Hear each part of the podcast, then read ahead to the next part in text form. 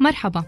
أهلا بك عزيزي المستمع وعزيزتي المستمعة في هذا الموسم من برنامج آدم حلقات عن العلاقات. قبل ما أبدأ حديثي عن المحتوى أحب أحكي لكم عن بداية الموضوع. بدأ البرنامج بأحاديث عفوية مع الأصدقاء. وملاحظاتي إن الموضوع باب يدعو من حولي لاستشارتي أو الاستماع مني عنه. وتطور عشان يصير حديث عفوي في لايف على إنستغرام. أعبر فيه عن رأيي وأشارك فيه شوية أفكار. والآن تطور وصار أجمل وأكثر عمقا ليكون هنا على بودكاست ساندويتش ورقي. الرجل عاطفي والمرأة عقلانية. هل استفزك الموضوع؟ هل شعرت بأنه ساخر؟ ولا هو مجرد عنوان جذاب عشان يستقطب أذنيك؟ ممكن لكنني أعني العنوان نعم الرجل عاطفي والمرأة عقلانية والعكس صحيح لو ما كان الرجل عاطفي ليش يحب أمه وبنته؟ خلونا من قصص الغراميات لو ما كان الرجل عاطفي ليش يحن ويعطف على من هم أقل منه؟ لو ما كان عاطفي ليش يتأثر من مواقف يشعر بالإهانة يشعر بالامتنان وليش يبحث عن السعادة؟ ليش يربط السعادة بالمال والعمل والإنجاز؟ مو كل هذا وراه شعور؟ ليش يشعر بالقوة ويرتبك من مواقف الضعف؟ بالمقابل المرأة عقلانية لأنها تتعلم وتدرس وتختار وتفيد بعلمها وتطلع درجات ووقفت مع الرجل. في ميادين متعددة تقدمت عليه في بعضها وتقدم عليها في غيرها. حتقول لا المقصد إنه عاطفتها تغلب عليها. حتقول نعم في مواقف. والرجل أيضا عاطفته تغلب عقله في كثير من المواقف.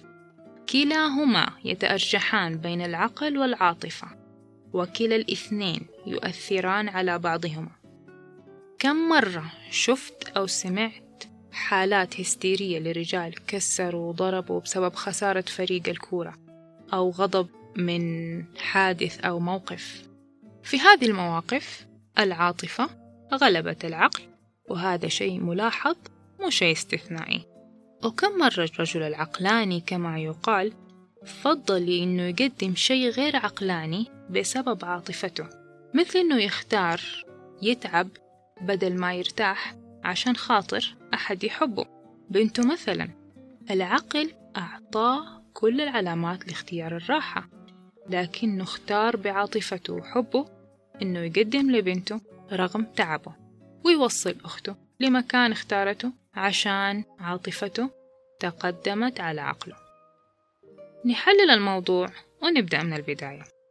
الرجل والمرأة بشر. كلاهما إنسان. لكن كل واحد منهما له منظومة وتركيبة. وهنا نقول إنه اختلاف الأجساد مش الشيء الوحيد بينهم. الفكر النظرة الخبرات التعامل مع المشاعر وفهمها توابع لاختلافات أجسادنا كلها ترسم صور مختلفة عن كل الطرفين لكن لا تعني الفصل التام هي اختلافات متداخلة. العاطفة موجودة عند كل الطرفين لكن تظهر بشكل مختلف. العقل موجود في كلا الطرفين ويثبت وجوده بطريقة فردية وبشكل مختلف بين الجنسين. ممكن تكون النتائج واحدة لكن لكل واحد منظومته الخاصة. ممكن تكون متقاربة لكن التفاصيل تتضمن العديد من الاختلافات. والاختلافات ليست عيبا ولا نقص ولا سبب للطبقية. الاختلافات بالضبط زي كفتين الميزان زي اليد اليمين واليسار زي فوق وتحت. كلها لتوازن الحياة طبيعية والتوازن يعني الحياة طيبة كفة الرجل مقابل كفة المرأة. توازنهم يعني السعادة. وكل منهم عنده كفة عاطفة وكفة عقل كفة عمل وكفة راحة كفة عطاء. وكفة أخذ وهكذا. القناعة والقول المرسل بأن المرأة عاطفية فهم مغلوط. لتركيبة الإنسان بدليل النتائج اللي بنشوفها ونعيشها. هذه المقولة بالذات صارت شماعة شوهت صورة المرأة كأنها كائن ما له عقل أو كائن مضطرب ما يعرف يختار ناقص الأهلية ويحتاج لوصل. كم واحد يعرف امرأة من غير عواطف؟ قاسية وتتعامل بقسوة. ممكن تكون أم على فكرة. كمثال طبعا صورة الرجل القاسي أكثر انتشار لكن في نساء قاسيات ما يتعاملوا بعواطفهم. شديدات الناس يحبوا يسموها. كم واحد يدعي أن المرأة عاطفية وضاع حقها لأنها تعتمد على عاطفتها وما تفكر بعقل؟ زي بعض النساء اللي ضاعت منهم أموال الورث مثلا عشان أفراد العائلة اللي وثقوا فيهم أو يحبوهم وكانوا ضعيفات شخصيات في القصة. الأم القاسية هي نتاج داخل مضطرب وكذلك الأب القاسي لأن الأصل في الوالدين هو الحنان واللي يضيع حقه سواء كان امرأة أو رجل بداعي إنه اللي أكل حقه أخوه أو شخص يحبه أو شخص أكبر منه يحترمه أو إنسان ينضحك عليه زي ما يقولوا هو بداية بيضحك على نفسه قبل غيره وترك حقه يضيع بسبب إنه ما دافع عن حقه وهذا ضعف منه. وسماه بغير مسمى قال حب قال احترام قال إنه طيب. فهنا في خلط كبير للأمور. نحتاج نفكك ونجلس في جلسة صريحة مع أنفسنا إذا كانت هذه قصصنا. العاطفة جزء طبيعي فطري من تركيبة الدماغ نفسه. جزء موجود عند الكائنات الثدييات وما فوقها. هذا الجزء من الدماغ يسمى بدماغ الثدييات أو الدماغ العاطفي. لأنه يحتضن مركز العواطف في نظامنا العصبي كبشر وهو المسؤول عن إنتاج وإدارة العواطف والتعبير عنها دموع حركات الوجه وغيرها. اللي تترافق مع المشاعر سواء كانت مشاعر عالية أو مشاعر منخفضة. ويتعامل معها الجسد بحركات أخرى مثل دقات القلب الأنفاس المزاج حركة الدم وغيرها. هذا الجزء يتذكر الأحداث ويتصرف بناء على ما هو مخزن فيه ويحركه الماضي. قرارات تفكير كلها منطلقة من أمور مخزنة حصلت في الماضي. ويستخرج من الأرشيف اللي يتناسب مع الحاصل في الحاضر فتكون ردات الفعل متناغمة حسب المخزون. يسموه الليمبك سيستم مثلا شعورك بالغضب.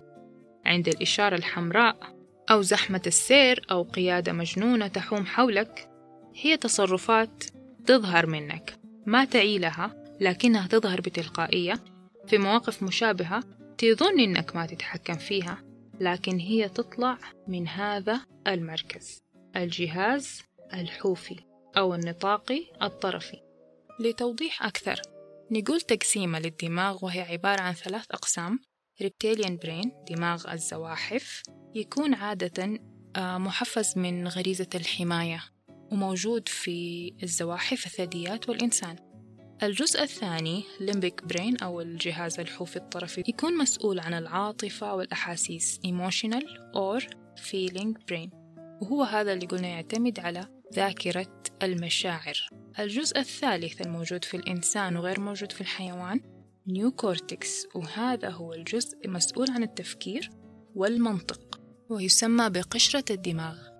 هذا الجزء يميزنا عن الحيوانات لكن ال limbic brain أو الجهاز الحوفي الطرفي يحركنا كثير في حياتنا.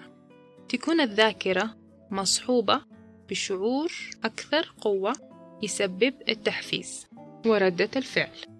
إذا العاطفة جزء أصيل أساسي في فصيلة الثدييات من ضمنها الإنسان وهذا طبيعي ومعروف في قصص التجارب العاطفية مع الحيوانات الأليفة زي الخيول الكلاب وغيرها.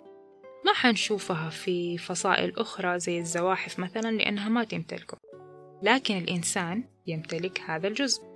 وهذا الجزء في الإنسان أكثر رقيا لأنه مرتبط أيضا بجزء إدراكي. لكن الإنسان بيعتمد جدا على الجزء الحوفي وغيابه يجعل من الإنسان غير إنسان. كيف تشوف الإنسان بدون عواطف؟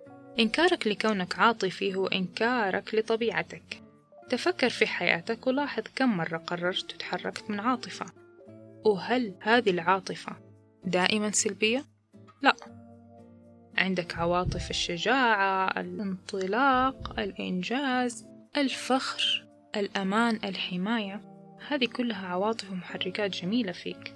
وكل واحد يقدر يتفكر في حياته ويشوف كيف يتحرك من ناحية عواطفه. لأنه العاطفة هي محركنا أو الوقود اللي وصلنا للأهداف اللي نبغاها.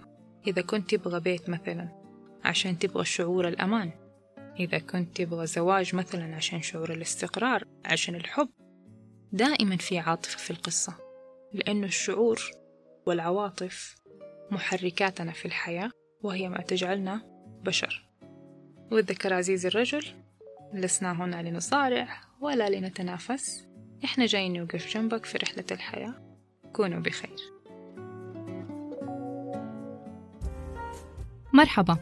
أهلا بك عزيزي المستمع وعزيزتي المستمعة في هذا الموسم من برنامج آدم حلقات عن العلاقات. قبل ما أبدأ حديثي عن المحتوى أحب أحكي لكم عن بداية الموضوع. بدأ البرنامج بأحاديث عفوية مع الأصدقاء. وملاحظاتي إن الموضوع باب يدعو من حولي لاستشارتي أو الاستماع مني عنه. وتطور عشان يصير حديث عفوي في live على إنستغرام. أعبر فيه عن رأيي وأشارك فيه شوية أفكار. والآن تطور وصار أجمل وأكثر عمقا ليكون هنا على بودكاست ساندويتش ورقي.